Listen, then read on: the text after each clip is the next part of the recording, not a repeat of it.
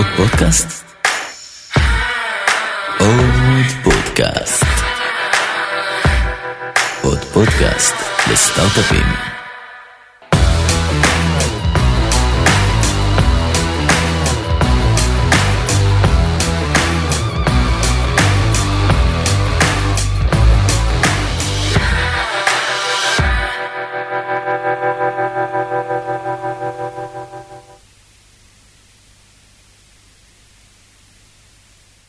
מעניינים דניאל בסדר גמור, מה שלומכם? בסדר בוא תתקרב קצת למיקרופון המטרה שתמיד ישמעו אותך יותר טוב מאותנו מעולה. אז אם אתה מרגיש שאנחנו רחוקים מדי המאזינים לא רואים את זה אז תתקרב. אנחנו נתקרב.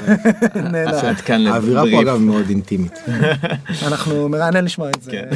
לשם שינוי אה, אז נמצא איתנו פה דניאל קר נכון מהקורפט השם. ונצ'ר מהקורפט ונצ'ר ארם של סיסקו מקרן ההשקעות של אה, תאגיד סיסקו דניאל ספר למאזינים קצת על עצמך. אני דניאל קרפ, אה, בן 39, מתקרב ל-40, אב לשתי בנות חמודות, בנות ארבע וחצי ושש וחצי. אני חלק מסיסקו כבר חמש וחצי שנים. למעשה, לפני סיסקו הייתי בארצות הברית וחזרתי אה, לארץ לטובת התפקיד. אה, כמו שאמרת, אה, חלק מקבוצת ה-CVC או ה-Corporate Venture Arm של סיסקו, ואנחנו משקיע אסטרטגי, אבל אנחנו גם ה-Corporate M&A Arm של סיסקו. אמ, זה לא שהתעסקתי ב-M&A לפני, זה לא שהתעסקתי ב... אמ, התעסקתי ב-Ventures לפני, אבל אה, למעשה התפקיד הזה ובאופן כללי, כאילו החלק הזה בקריירה שלי הוא מין קולמינציה כזה, שילוב של כל מיני דברים שעשיתי בעבר. אז הייתי לפני זה במייקרוסופט, אה, מנהל אסטרטגיה של קבוצת ה... innovation הפנימית של סיסקו, Startup Business Group, זה סטארט-אפים פנימיים בתוך מייקרוסופט שעוברים commercialization. ולפני זה הייתי באז'ור ב cloud והתעסקתי בצמיחה אינאורגנית וב product וב-BD אמ, ולפני זה הייתי VC ולפני זה הייתי מהנדס אה, ואז ממש עבדתי. בעוונותיך. כן כן מה שנקרא recovering engineer אה, והאמת שזה באמת מתי שממש עבדתי למחייתי ולא סתם אה, דיברתי למחייתי כמו שאני עושה עכשיו. אז מצד אחד אנחנו מאוד שמחים כי אתה אני חושב שהוא ה-CVC הראשון שמגיע אלינו. מצד שני זה אתה צריך להצטער על זה כי אנחנו הולכים לשאול אותך הרבה שאלות בנושא. אז אמרת פה כל מיני מילים שעבורנו אנחנו קצת מכירים אבל עלולות להישמע כמו קללות. אנחנו CVC אז אני עושה ventures but I'm not doing M&A ועכשיו אני כן עושה גם וגם. אז הרבה פעמים יש איזושהי נטייה באים ואומרים אוקיי דניאל הוא מסיסקו. אם אני רוצה איזושהי אינטראקציה עם סיסקו אני פונה לדניאל. עכשיו זה לא נכון אתה חובש כובע מסוים בתוך הארגון יש לך תפקידים מסוימים מטרות מסוימות. אז בוא שניה נדבר על בכלל מה זה מה זה קופת ונצ'ר בתוך סיסקו מה מטרותיו איך הוא פועל. כן. אז קודם כל אולי אפילו צעד אחורה, כן. כי קורפרט VC זה לא חיה שכאילו מתאימה לכל ארגון ובכל נכון. ארגון היא קצת שונה. אמ, ספציפית אצלנו הקורפרט VC הוא, אמ, הוא קבוצה בתוך בתוך סיסקו שמשקיעה מתוך הבלנס שיט זה לאו דווקא האופציה של הרבה מאוד CVCs אחרים. לפעמים אתה משקיע מתוך הבלנס שיט לפעמים יש לך ממש dedicated fund. אמ, ויש כל מיני structures מוזרים שאתה יכול אה, אתה יכול להשתמש בהם לצורך אה, לצורך הקורפט VC שלך. אמ, שהיא בסוף קרן הון סיכון מטעם תאגיד נכון בדיוק, שמי שמחזיק בקרן או מביא כן. את הכסף זה התאגיד. בדיוק והתאגיד מביא את הכסף אה, ספציפית במקרה שלנו אנחנו במבנה של evergreen fund אז אנחנו משקיעים מתוך הבלנס של סיסקו בערך 200-250 מיליון בשנה.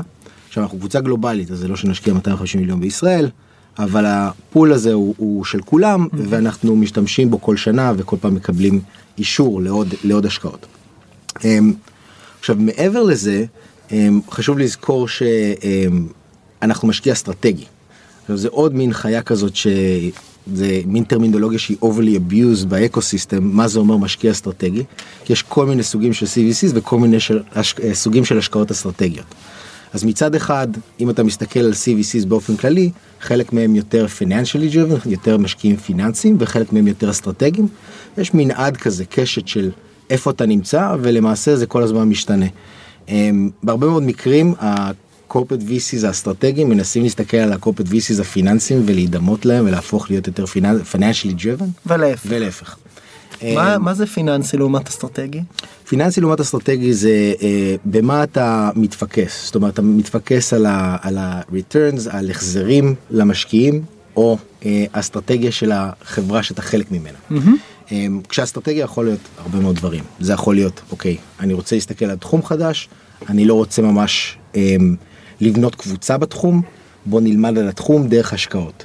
אסטרטגיה גם יכול להיות אוקיי אין לי כסף לקנות חברה אז בוא נשקיע בחברה הזאת לפני שאנחנו קונים אותה. אמ, ואסטרטגיה גם יכול להיות אוקיי יש פה איזשהו אקו סיסטם שאני רוצה לדחוף יש לי איזה פלטפורמה שאני רוצה אה, לפתח ואני רוצה לבנות ולגרום לעוד חברות להשתמש בפלטפורמה. בוא נראה אם אפשר to see the market ולהכניס כסף לכל מיני חברות שיכולות uh, לעשות אקסלרציה של הפלטפורמה שלי. Mm-hmm. אז, uh, אז זה המנעד. ו... וזה יכול ללכת ביחד או שלא אפשר לבוא ולהגיד אנחנו קרן כן. אסטרטגית אתם בסיסקו מה אז אנחנו קרן אסטרטגית mm-hmm. אבל אנחנו מנסים ללכת ביחד כשמה mm-hmm. ש... מה, מה הכוונה פה הכוונה היא שלמעשה אנחנו מנסים להיות מאוד דיסציפלין מבחינה פיננסית ולעשות השקעות שגם עושות שכל בתור VC. אמ, לא תמיד זה הולך hand in hand לפעמים אנחנו גם שמים איזשהו משקול לערך האסטרטגי לעומת הערך הפיננסי ולהפך וזה כתלות בכמה קרובה השקעה אמ, לקור שלנו. Mm-hmm. אז אנחנו למעשה מחלקים את העולם לשלוש לשלוש תתי קבוצות של השקעות. שאחת היא קור, השנייה היא adjacencies, זאת אומרת הם, אה, הם, הם סגמנטים בשוק שהם קרובים לאיפה שסיסקו משחקת אבל סיסקו עדיין לא משחקת בהם. וסגמנטים שהם new market opportunities לחלוטין.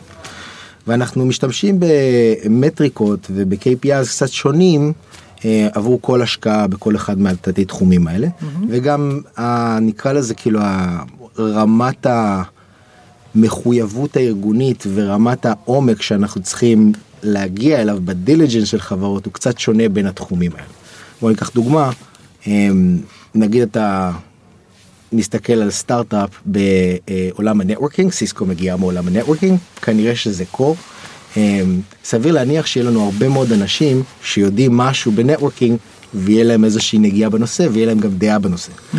אז אנחנו צריכים לעבור דרך האנשים האלה ולהבין ביחד איתם אם זו הזדמנות טובה עבור סיסקו והאם היא complementary עבור סיסקו. אז בוא נעשה רגע משחק פרסונות קטן, איך נראית חברה שסיסקו השקיעה בה? מבחינת הפרופיל שלה. כרגע שמתם השקעה, מה הגודל, כמה היא גייסה עד כה וכולי. אז בדרך כלל אנחנו, וזה עולם משתנה, אה, אבל בדרך כלל אנחנו נשקיע, כולם אומרים שהם stage אה, agnostic, גם אנחנו אומרים את זה, אבל בגדול ה sweet spot שלנו זה משהו שהוא בין A ל-C, ובדרך כלל B round, כמו הרבה מאוד אה, משקיעים אסטרטגיים קלאסיים. ה check size שלנו בדרך כלל הוא בין 2 ל-5 מיליון לפחות הראשוני ואנחנו ממשיכים לתמוך בחברות בסיבובי המשך בדרך כלל. בעיקר עם אסטרטגיות בעיקר עם מוצלחות מבחינה פיננסית אבל כמעט כמעט תמיד אנחנו נמשיך אה, לתמוך בחברות לאורך זמן. יש לנו חברות בפורטפוליו שהשקענו בהן ב-2008 אז אה, אנחנו ממשיכים לתמוך בהן בכל סיבוב.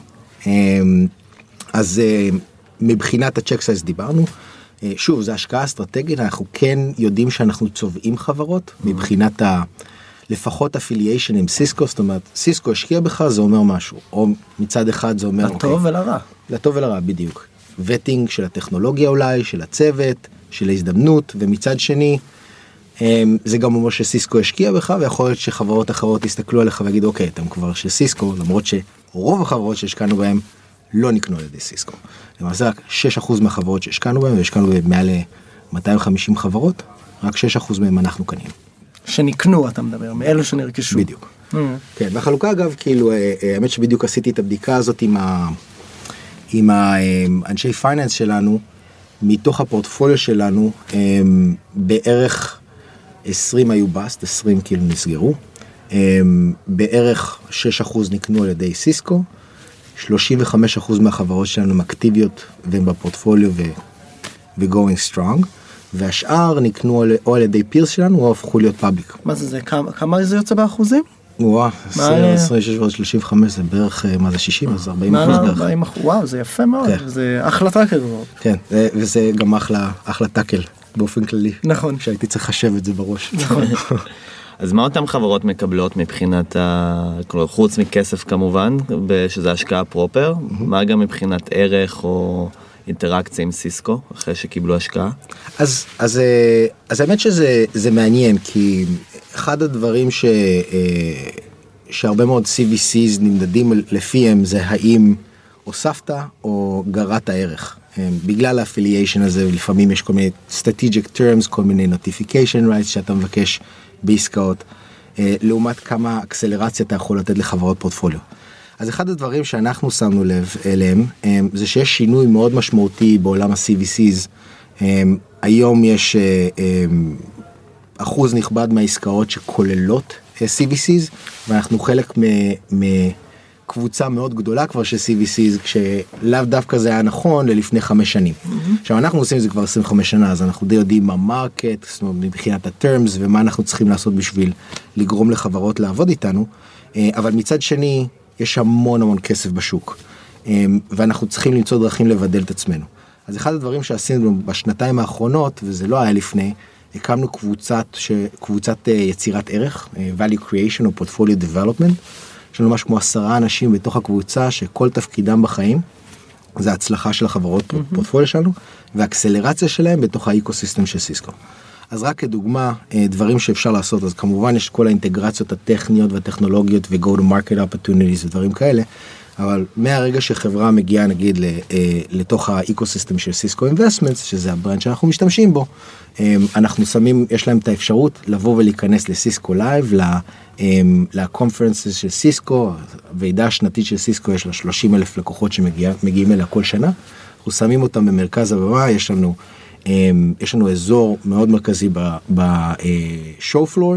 ששם אנחנו שמים אותם חינם מכסף כדי שיוכלו להיות באינטראקציה עם לקוחות. עם ה ecosystem של סיסקו. אמ, ובנוסף יש לנו הרבה לקוחות שמגיעים אלינו באופן כללי הם לבוא ל executive briefing הם באים לשמוע מאיתנו על לאן העולם הולך אחד הדברים שאנחנו מנסים לעשות כחלק מהמאמץ הזה זה לשים את החברות פורטפוליו שלנו מולם. נגיד הנה פה שתי טכנולוגיות מעניינות שבמקרה פותחו בדיוק. באירופה ארה"ב ישראל בדיוק. גם השקענו בהם או אנחנו בוחנים להשקיע בהם בואו תפגשו את החברות האלה. בדיוק. בדיוק. מעניין מאוד. CVC כקונספט אמרת אתם עושים את זה כבר 25 שנה 30 שנה.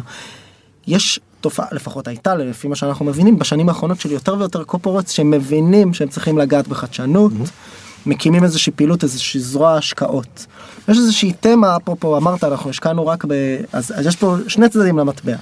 אחד אמרת רק 6% מהפורטפוליו שלנו נרכשו על ידי סיסקו mm-hmm. יש איזושהי תפיסה הפוכה איזושהי מחשבה אולי נאיבית של יזם או יזמת בתחילת הדרך שאם אני אבוא לסיסקו כי הם רוכש פוטנציאלי אז הם כנראה גם ישקיעו בי אז איפה זה פוגש אותך אחד okay. כן. שתיים זה הנושא של CVC בכלל שקצת אה, מה שנקרא עלתה קרנו בזמן האחרון ויותר ויותר קופורט עושים את זה השאלה אם המודל הוא בכלל הארגון מסתכל על זה כיחידת P&L כיחידת רווח והפסד שהוא בא ואומר גם אם אני מפסיד 250 מיליון דולר בשנה אני סיסקו אני יכול וזה שווה לי כדי לגעת בחדשנות אז שתי השאלות האלה הם גם די complementary אחת, אחת אה, לשנייה. מעולה.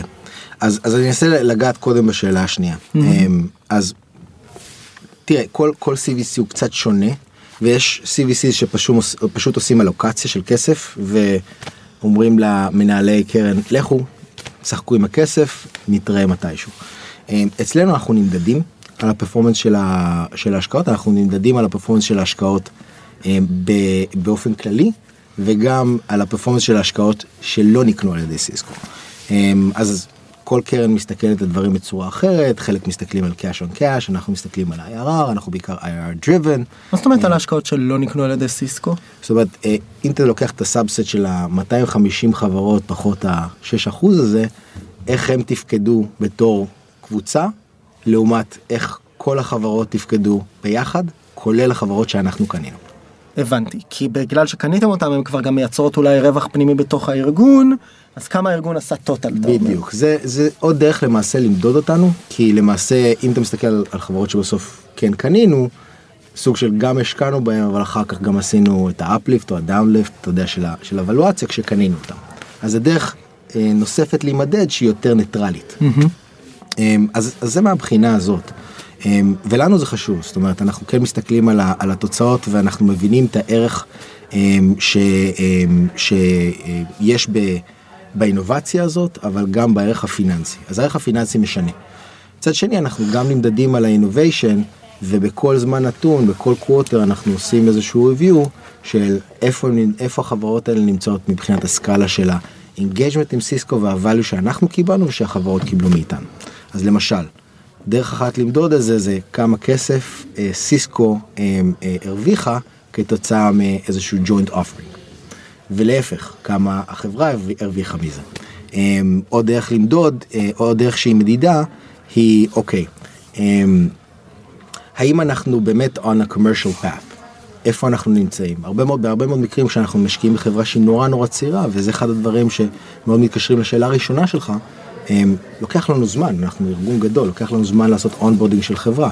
הם, ה, ה, נקרא לזה, הקוונטות זמן שלנו קצת שונות משל סטארט-אפ. בכל זאת אנחנו ארגון של 75 אלף. מה זה שונות? על כמה מדובר? אז, אה, אז אה, אני יכול להגיד לך, אה, סתם כדוגמה, אנחנו יכולים אפילו, לפעמים, הרבה פעמים קורה שאנחנו משקיעים בחברה אחרי שכבר יש להם commercial engagement, אבל אני אתן לך דוגמה. יש חברה שאנחנו מאוד אוהבים לציין, שקוראים לה לנקופ, לא חברה ישראלית, חברה אמריקאית, שעבדה, זה סוג של הרובינסון קרוזו שלנו, לקח להם שלוש שנים להקים partnership איתנו, זה, זה timeline, זה, זה מאוד מאוד, זה outlier, זה, לא, זה לא הנורמה.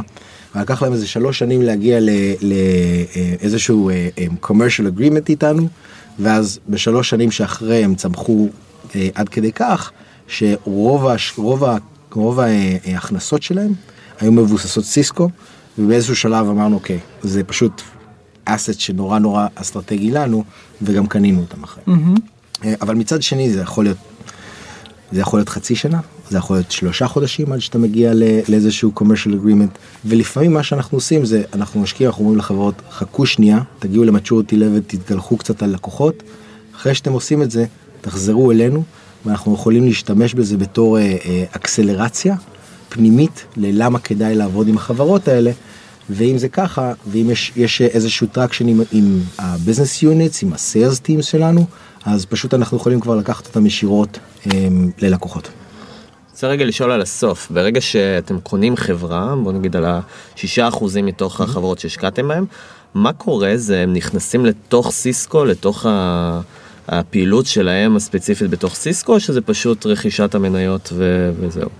אז זהו, אז אנחנו קונים את המניות, מפרקים את ה board, אה, זה פשוט קנייה proper, אה, במקום שיהיה לנו איזשהו minority equity stake, ובדרך כלל זה מה שאנחנו עושים כשאנחנו משקיעים בחברות, בדרך כלל אנחנו עושים פחות מ-20% אה, אה, מה cap table, אז מהרגע שאנחנו רוכשים אותם זה 100% owned by Cisco, זה חברה שלנו והופכת להיות חלק מהפעילות שלנו, וזה יכול להיות, אם זו חברה קטנה שרכשנו בתור רכישה טכנולוגית ושל talent, mm-hmm. אז זה יכול להתנקז לפעילות אחרת של סיסקו, זה יכול להיות גם stand alone business.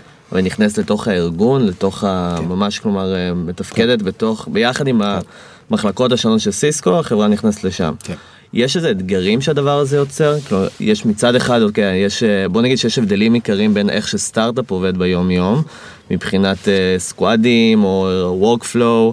אה, או הדרך ניהול של סטארט-אפים לדרך ניהול של, אה, של קורפורט. Mm-hmm. מהנקודת מבט שלך, איפה אתה רואה את ההבדלים ואיך זה דווקא יכול לעזור לקורפורטס, אולי ל, ל, לעשות אימפלמנטציה לטכנולוגיה יותר מהר, להזיז עניינים יותר מהר, לקבל קצת יותר אינספיריישן על, על החדשנות, דווקא לעובדים.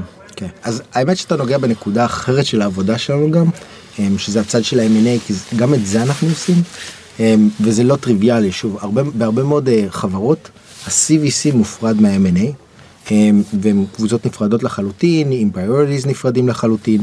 אצלנו הקבוצה שעושה את ה-M&A גם עושה את ה-investments. אז רק לשבת על זה, כשיזם בתחילת הדרך מדבר עם קופות ונצ'רם, עם קרן הון סיכון מטעם תאגיד, התמה זה גם מתקשר לשאלה הראשונה ששאלתי בזה, התמה שבאה ואומרת אם אני רוצה לעשות ביזנס עם הארגון או להירכש על ידי הארגון, הוא לא צריך לפנות לגוף הזה, בדרך כלל.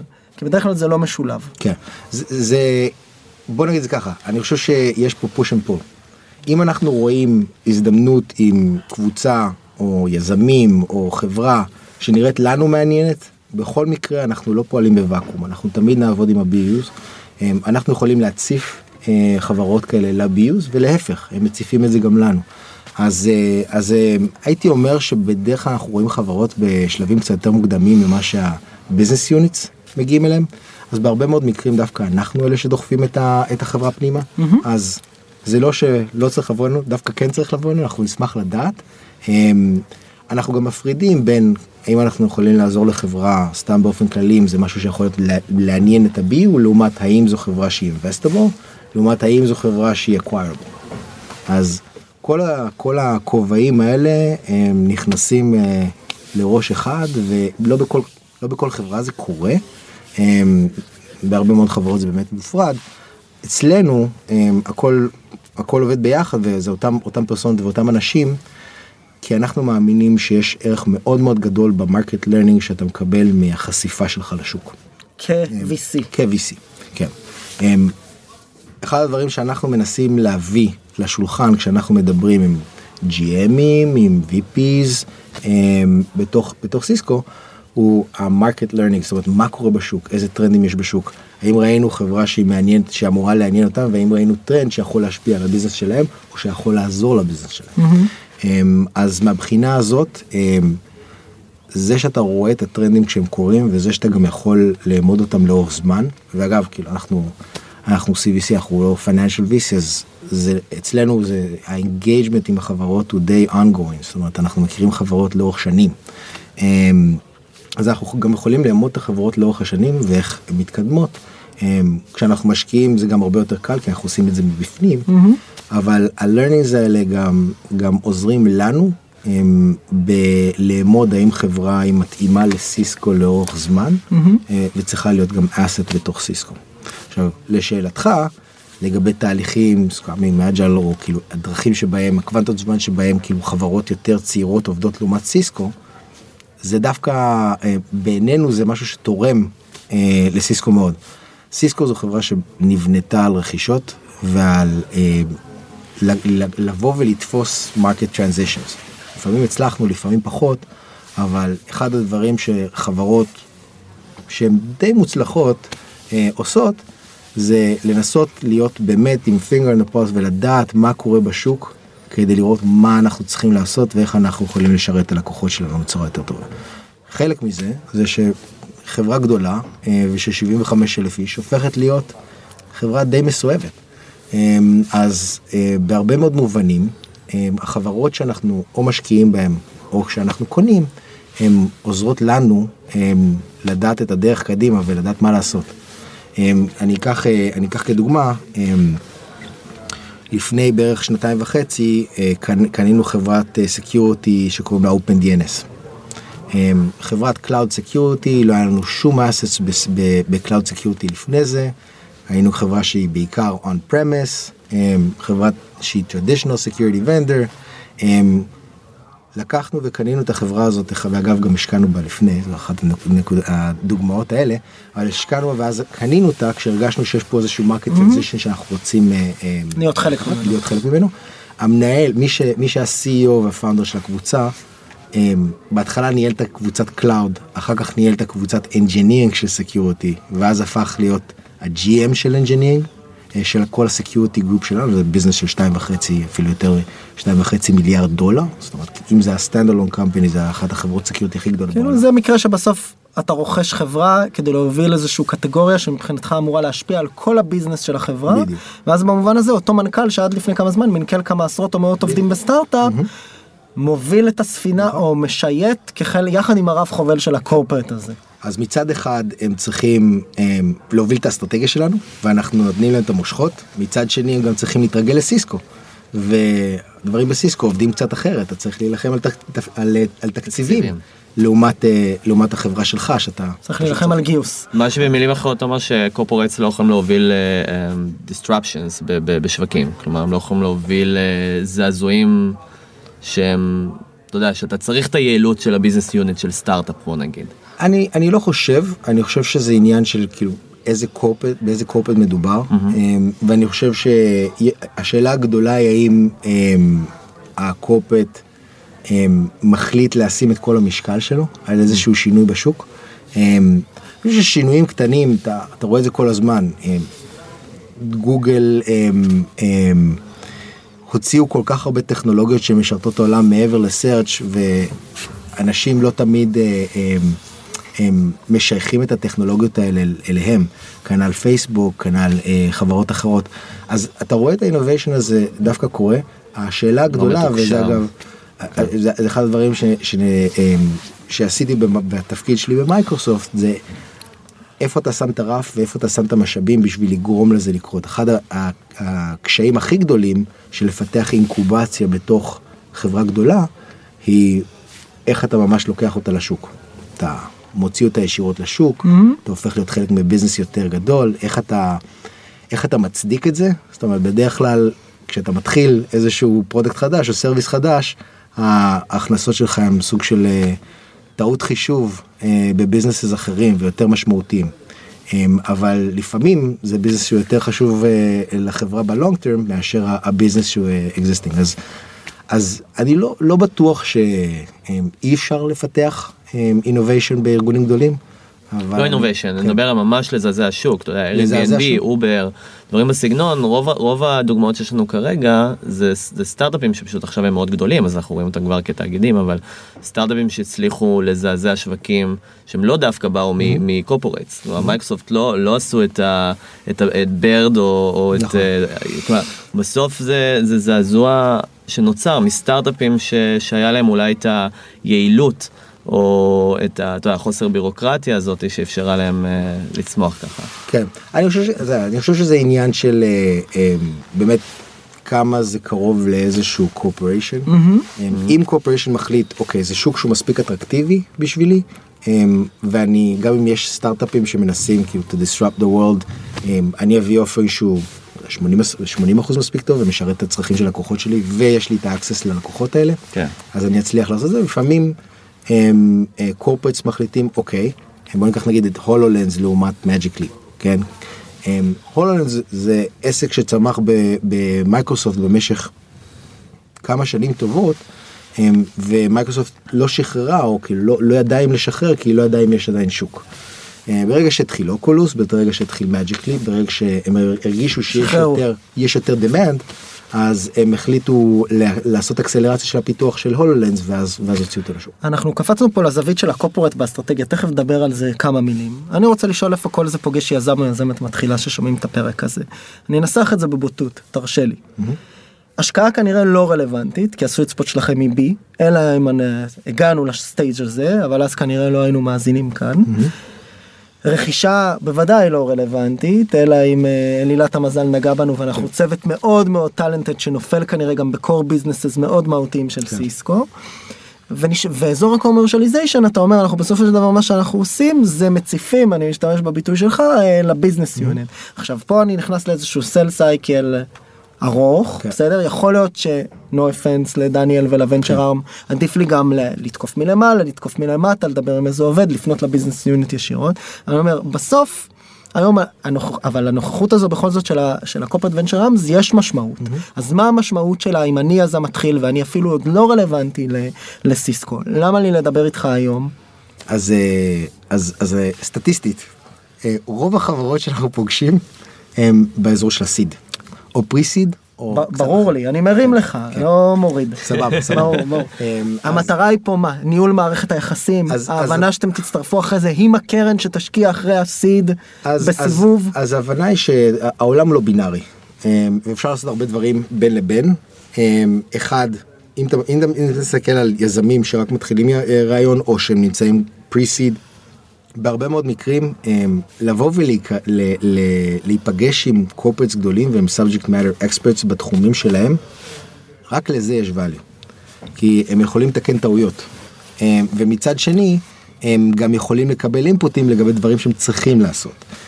בנוסף, ה-BU וגם אנחנו, אנחנו לא, אנחנו מנסים להיות אגנוסטים לסיבוב עצמו. זה לא סוג השיחה שאנחנו רוצים הם, אמ, לנהל עם יזמים, לפחות לא בהתחלה. אנחנו רוצים לראות אם יש איזשהו value. ה-value creation הזה לא, לא עובד לאורך זמן, וכנראה לעומת VCs שרואים איזשהו פיץ' מיזם או יזמי, יזמית, הם, אמ, אז אנחנו, אנחנו לא עובדים בקוונטות של כאילו, האם אנחנו ניכנס בסיבוב בשבועיים הקרובים או לא. כן. אמ, אז אנחנו חושבים אלא איפה מה שהוא עושה פוגש את האסטרטגיה של הארגון עוד חמש שנים. וכל ה processes האלה הם מתחילים מהפגישה הראשונה ונמדדים לאורך זמן. אז אחד הדברים שחשוב להזכיר ליזמים זה שכל פגישה שלהם עם אם זה עם CVC ואם זה עם VC שהוא stage agnostic או לא stage agnostic. everything counts כאילו אתה נמדד לאורך זמן בכל מקרה. נכון. ובדרך יש כל מיני, כל מיני תחנות של, שאתה יכול ליצור בהם value. אם זה להתחיל איזשהו POC, אם זה אה, לבוא ולראות אה, אם אנחנו יכולים אה, לקשר אותך לעוד VCs שיכולים לעזור לך אולי עם הפיננסים שלך, אם זה מוקדם לנו מדי. Mm-hmm. אם זה, אם זה לבוא ולתת לך עצות בהינתן זה שאנחנו רואים לא מעט, לא מעט חברות בתחומים שלכם, ואנחנו אגב ecosystem players, אנחנו בדרך כלל רואים הרבה מאוד מהעסקאות mm-hmm. שקורות, ולפעמים ה access שלנו יותר טוב מאשר VC ספציפי שרואה subset שלך. ברור. אז ממש היו לכם דוגמאות של סטארט-אפ בתחילת דרכו, שסיסקו היה פוטנציאלי design partner שלו, ובא לפגישה ו- ולקחתם את זה לצעד שזה, הוא לא השקעה, כן, אבל כן. הוא כן לעזור כן. לו לפתח, לעשות כן. POC או לפתח את המוצר דרך סיסקו והתשתיות כן. של סיסקו. כן, זה קורה, ו- וזה לאו דווקא, לאו דווקא מלווה בהשקעה. אז יש לנו לא מעט פרטנרים בשוק, הם, לא על כולם הכרזנו.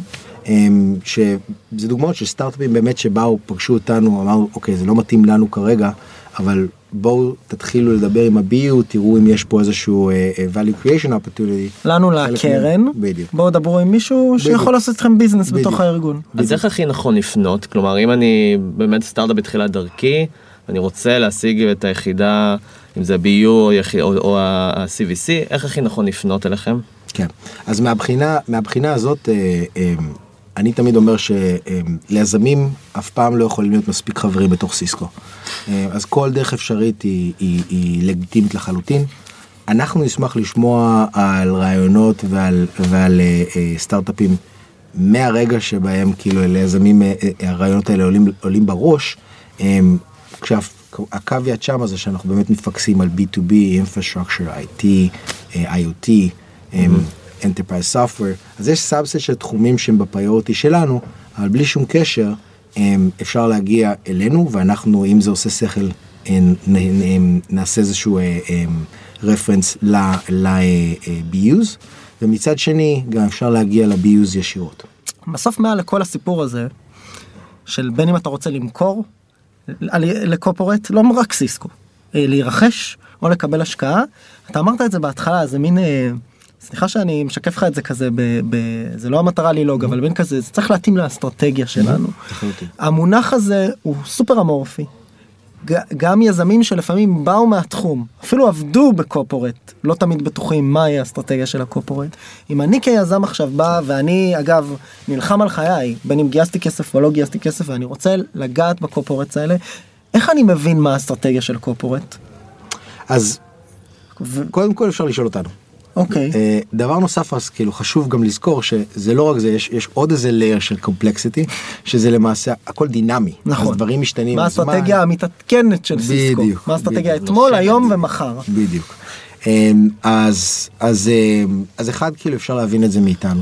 אמ, שזה לגיטימי מבחינתך שבן אדם יבוא כן. ויגיד אני עושה כך וכך אני אשמח לשמוע איך סיסקו מסתכלים על התחום או איך סיסקו לחלוטין בתקווה שנדע גם כן אה, אבל אה, אבל בגדול כאילו בתחומים שהם אזורים שמעניינים אותנו יהיה לנו איזושהי דעה על העולם לפחות אנחנו מגבשים דעה על העולם ואם אין לנו דעה מוחלטת אנחנו גם נגיד את זה mm-hmm. אבל אה, זה לחלוטין לגיטימי לבוא ולדבר איתנו על, על אסטרטגיות ויכול להגיד לך שבסופו של דבר סיסקו כמו הרבה מאוד חברות מהסוג שלה. זו חברה גדולה, אז יש לה לא מעט אסטרטגיות שמשתנות כל הזמן, ויש לא מעט ביוז שבגדול אני לא מקנא בתפקיד של אה, מי שמנהל לנו את ה-R&D או את ה-Product, כי בסופו של דבר יש פה עניין של portfolio management ואיך אתה מקצה משאבים, והחלוקה הזאת בפורפוליו מאוד מאוד נרחב. כמו שסטארט-אפ בא ומנסה להילחם על ה product הראשוני שלו, אמ, אנחנו נלחמים בהמון המון חזיתות. אמ, ולפעמים המוצר שלנו יותר מוצלח או פחות מוצלח, אה, יותר mature, יותר immature, אמ, וה portfolio management הזה הוא, הוא, זה עבודה לא טריוויאלית, אמ, אבל בכל מקרה יש לנו איזשהו כיוון ואסטרטגיה בכל ה, כל הרוחב של הפורטפוליו ובדרך כלל גם נקרא לזה סיסקו פלאס, כאילו לאן אנחנו רוצים להתרחב. איך אתם יוצרים את האמון הזה ביניכם לבין הסטארט-אפים? כי בוא, הרבה פעמים אנחנו גם שומעים מסטארט-אפים שאנחנו עובדים איתם. על זה שהם לא רוצים לחשוף יותר מדי את, ה, את הרעיון שלהם, או את איפה הם נמצאים, את האסטרטגיה שלהם, במיוחד מול קורפורטס שאתה יודע, יכולה בסוף להטמיע את זה בכמה, ב, ב, לפקס כמה צוותים אחרים מתוך כמה מחלקות ולעשות את הדבר הזה. איך אתם יוצאים את האמון הזה, שעוד פעם ברור לכולנו שזה לא, לא יכול לקרות אה, אה, מבחינת פוקוס, אבל, אבל יש משהו בפגישה עצמה שאתם יכולים לעשות בשביל... אה, כן.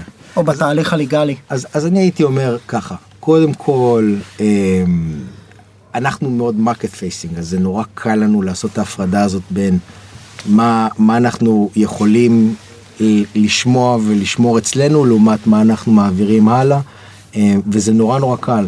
אם אתם לא רוצים להגיד משהו בתור יזמים, אל תגידו. אה, אם אתם רוצים להגיד לנו שהוא רק לנו, תגידו את זה גם. אה, אבל אנחנו מתעסקים ב-confidential information על חברות שהן public, שאנחנו מסתכלים עליהן, על חברות שהן private. נראה לי שצריך להבין פה אולי קצת שתסביר גם על ה corporate והאינטריגות פה, כי בסופו של דבר אתה לא תימדד. אם עכשיו מישהו באיזה business unit יגנוב במרכאות איזה נכון. feature מאיזה סטארט-אפ נכון. וישפר את ה revenue של היחידה שלו, נכון. אף אחד לא סופר את זה ל venture arm. זה נכון, אבל מצד שני הייתי אומר שני דברים. אחד, אם אתה... יש social equity בארגון. יש social equity בארגון, יש social equity גם ב ecosystem, mm-hmm. שזה גם חשוב. שבשנייה שידעו שגנבתם נכון, נגמר הסיפור. לחלוטין. אמ, ובנוסף, הייתי אומר ככה, כאילו, אם, אם אתה חברה צעירה ומוצלחת עם סט של יזמים חזקים שמבינים בשוק, סביר להניח ש- um, probably out, um, נקרא לזה, אתם you'll out execute a big corporation בהרבה מאוד מקרים. עכשיו, אמ, אז אני לא, אם, אם יש לי רעיון מוצלח ו, אמ, ואני מאמין ביכולות שלי, לא הייתי מפחד מקורפריישן גדול בתור, אמ, נקרא לזה מישהו שיגנוב לי את הרעיונות. הייתי יותר חושב האם הרעיון שלי מוצלח מספיק בשביל שאי אפשר יהיה לשכפל אותו. ואם אפשר לשכפל אותו בקלות, אז יכול להיות שסטארט-אפ לא כזה מוצלח. ומצד שני, שוב, אני חושב שתמיד שה... יש איזשהו level של מה, מה אתה רוצה להוציא החוצה ולא, כמו שלמשל כשאתה מנהל חברה, יש סט של דברים שאתה רוצה שאנשים מחוץ לחברה ידעו עליה ולא ידעו. אוקיי, okay, ומה לצורך העניין הקסם הזה או הדבר הזה שאתה לא יכול לשכפל? זה בדרך כלל טכנולוגיה, כי הרבה פעמים יש חברות שיש להן פשוט product נפלא. עם טכנולוגיה שהיא לא super complicated. Delightful, נכון? כן. חוויה שאני מת על המילה הזאת. Delight customers. כן, תגיד את זה שוב. Delightful. אוקיי, שמעתם? אז אה, דניאל, נגיד שיש חברה שהיא לא מבוססת טכנולוגיה עמוקה. כן. כמו שקוראים לזה ב ecosystem, כן. אבל עושה business play מרשים. משהו שאתם תסתכלו עליו. בוודאי. אני אתן סתם דוגמה טריוויאלית mm-hmm. כדי כאילו שנסבר לכולנו את האוזן מבלי לפגוע באף אחד מהאנשים בחברה. מאנדיי. Mm-hmm. יש שם טכנולוגיה אבל יש שם בעיקר מוצר מדהים ונגיד חוויה מדהימה mm-hmm. כדוגמה כזו יש עוד חברות כאלה. אגב, מה... כאילו ברמה אישית אני חושב שבהרבה מאוד מובנים ה effort הטכנולוגי שהוא לא טריוויאלי בהרבה מאוד מקרים ו, אמ, והוא חשוב. הוא תופס חשיבות כבר משנית לעומת ה effort ב go to market וב execution. נכון. בהרבה מאוד מקרים ובהרבה מאוד תחומים אתה רואה, אתה רואה הרבה מאוד uh, חברות, cohort של חברות שהתחילו באותו זמן, היו מאוד מאוד דומות ברעיון, אני אקח את סלאק כדוגמה. Um, ואני נזהר פה כאילו uh, לגבי סלאק כי uh, לא רוצה גם להוריד מהערך שלהם. אבל סלאק התחילו כ cohort של המון המון חברות. בהתחלה אף אחד לא הבין מה ההבדל ביניהם לבין סט החברות הנוספות שהיו בתחום שלהם, אבל בגלל יכולות execution שלהם, הם הצליחו. לתפוס נישה. נכון, נכון, לחלוטין. אז אתם מסתכלים גם על זה, זאת אומרת, אתה לחלוטין. לא מסתכל רק על טכנולוג, גם חבר'ה יזם שיש לו מוצר, כן. אוקיי, בוא נדבר, בוא נדבר, זה גם מוביל קצת ל open innovation נראה לי, mm-hmm. רק להסביר את המונח כמו שאני תופס אותו לפחות, יכול להיות שאני פה עושה abuse. אתם מסתכלים גם כ venture ו-M&A על היכולת להביא חדשנות פנימה לתוך סיסקו? אני אסביר, לא ב core businesses, באיך שאתם מנהלים את העובדים, או איך שה-HR או ה marketing שלכם מתנהל, או איך שה management tools שלכם נראים, אה, כלים לשימוש פנימי של כן. סיסקו אז זה corporate, כן. כארגון. כן, אני חושב שכאילו ה... אין, אין ארגון שהוא לא פתוח לאופן אינוביישן היום, אה, במיוחד לא ארגון כמו סיסקו, שאם אתה מסתכל על ה-DNA של ההנהלה שלו, רוב ה... בערך 50% מהאנשים שהם ב-level של דירקטור ומעלה בס- בסיסקו הגיעו אה, מרכישות. אז אנחנו מבינים את, ה, את הערך של innovation שמגיע מבחוץ. כן. עכשיו מעבר לזה גם open source, אתה יודע, כאילו זה, אה, השימוש הוא מאוד מאוד נפוץ, כמובן שיש את כל החוקים התאגידים, אה, הנוקשים יותר ופחות, אבל, אבל לחלוטין, אה, אנחנו, אנחנו מאוד מאוד פתוחים ל-innovation מבחוץ. אה, הייתי אומר שבהרבה מאוד מובנים יש, יש אה, שחקני נגיד כאילו Cloud Platforms כמו אמזון, כמו מייקרוסופט, שחלק גדול מה value שלהם הוא ביצירת ecosystem, שהם כנראה קצת ahead of us מבחינת אוונגליזם, מבחינת ה support לסטארט-אפים, אתה יודע, כאילו לתת קרדיט, כאילו ל- לסטארט-אפים. אנחנו גם מנסים לעשות את זה, אבל אה, אנחנו מאוד מאוד open לדברים האלה. רק כדוגמה, יש לנו מה שקוראים לו DevNet, הם, שזה ב-Developer Network, היינו חייבים לשים Developers והיינו חייבים לשים Networking. וזו רשת שלמעשה נותנת כלים למפתחים שרוצים להשתמש בפלטפורמות שלנו, ו, ודרך הרשת הזאת אפשר לקבל משאבים חינם אין כסף, test, testing, כאילו, רישיונות וכיוצא בזה, בשביל הם, לפתח הם, ב, ב, בקלות. זאת אומרת אתה אומר זה לצורך העניין איזשהו pitch שבסוף כשאתה אורז אותו אתה בא ואומר הנה דרך של סיסקו ה corporate הכבד שרוצה כסף על כל דבר ואז זה לבוא ולהגיד מפתחים זה משהו שאני צריך גם כעובדים אצלי גם אולי שיצרו innovation ב open source חלק מהכלים שקיימים אצלי והנה הדרך שלי to engage them אני חושב לתוך. אני חושב שכל ארגון חייב את זה היום. מה הוורטיקלים שאתם היום מסתכלים עליהם ב corp venture arm של סיסקו ככה נראה לי שאלה לסיום כן. אה, ליזמים שרוצים לפנות מה הכי מעניין אז כן, אז ב- במשפט אחד IT ו-IoT. אוקיי. אה, אבל אם עושים דאבל קליק אז... אה, IoT בלי O. כן, IoT בלי O. אנחנו, אנחנו מאוד מפוקסים על דברים שהם באמת היום יותר ב-core וב-adjacencies. אה, אחד, אנחנו צריכים לעשות רפרש ללא מעט, ללא מעט אה, אה, אה, אזורים בפורטפוליו שלנו, ואנחנו עושים אה, באזורים האלה. כל מיני, אה, זה מצחיק, סיסקו מחולקת לכל מיני BUs, business units, שהם גדולים יותר או פחות. אחד הדברים שמעניינים אותנו כסיסקו investment זה אזורים שהם רלוונטיים לכמה ו- ובתור BUs נפרדים קשה להם לעשות את החיבורים האלה mm-hmm. של איך יוצרים פה סינרגיה יותר גדולה. אז אה, דברים כמו איך IoT מתקשר ל security, מתקשר ל enterprise networking. דברים כמו איך אנחנו יכולים להסתכל על אה, developer centric tools בשביל שנוכל גם לשרת developers ולא רק קבוצות IT שב traditional. זה industry agnostic כאילו זה אתם מסתכלים על טכנולוגיה אמצעי טכנולוגיה ולא על לא תעשיות. אנחנו כן אנחנו כי אנחנו- IoT זה יכול להיות גם automotive, נכון, יש- 4.0. נכון, ספציפית ב-IoT יש לנו איזשהו sub segment שאנחנו מתפקסים עליהם, כמו למשל smart manufacturing, יש לנו גם פלטפורמה סביב האזור הזה שחשוב חשוב לנו uh, um, uh, to enrich. Um, דברים כמו connected cars, כמו פחות או יותר כל העולם, um, דברים כמו smart buildings, smart cities, um, זה אזורי הפוקוס שלנו ספציפית ב-IoT. אבל אם נסתכל על, על אזורים נוספים, אנחנו שחקן data center די משמעותי ושחקן שמתיימר להיות uh, um, שחקן שיעזור ללקוחות שלנו להפוך להיות שחקן cloud או, או ל- לעבור מודרניזציה ל cloud mm-hmm. אז אנחנו מנסים להיות גם שחקן hybrid cloud ו multi cloud ואנחנו מסתכלים על פתרונות באזורים האלה. mm-hmm. באופן כללי כל מיני קומפוננטות ב data center ו disruption ב data center disaggregation דברים כאלה זה דברים שמעניינים אותנו.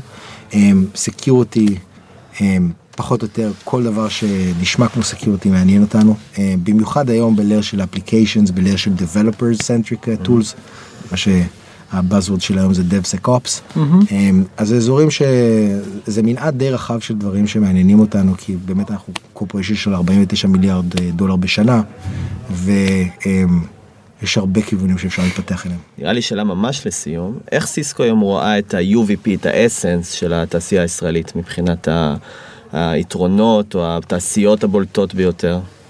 אז, אז זה- זה מעניין כי um, היסטורית אנחנו ישראל ספציפית היא המדינה שקנינו בה הכי הרבה חברות מחוץ לארצות הברית וגם המדינה שהשקענו בה בהכי הרבה חברות מחוץ לארצות הברית. אז עשינו 35 השקעות, קנינו אה, בין 11 ל-13 חברות, תלוי אה, איך סופרים. איך, אתה סופר חברה אחת לעומת אחרת ואיפה מרכז הכובד שלה.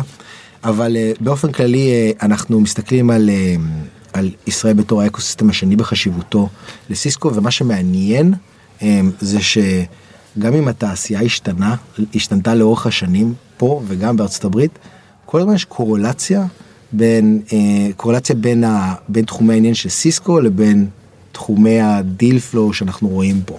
Mm. אז אם, אתה יודע, ב, אתם יודעים, בתחילת שנות האלפיים זה היה communications, היום אנחנו מסתכלים על ישראל בתור ecosystem שלם של developer tools, ובתור ecosystem שלם של, אה, אה, נקרא לזה אה, אה, modern security.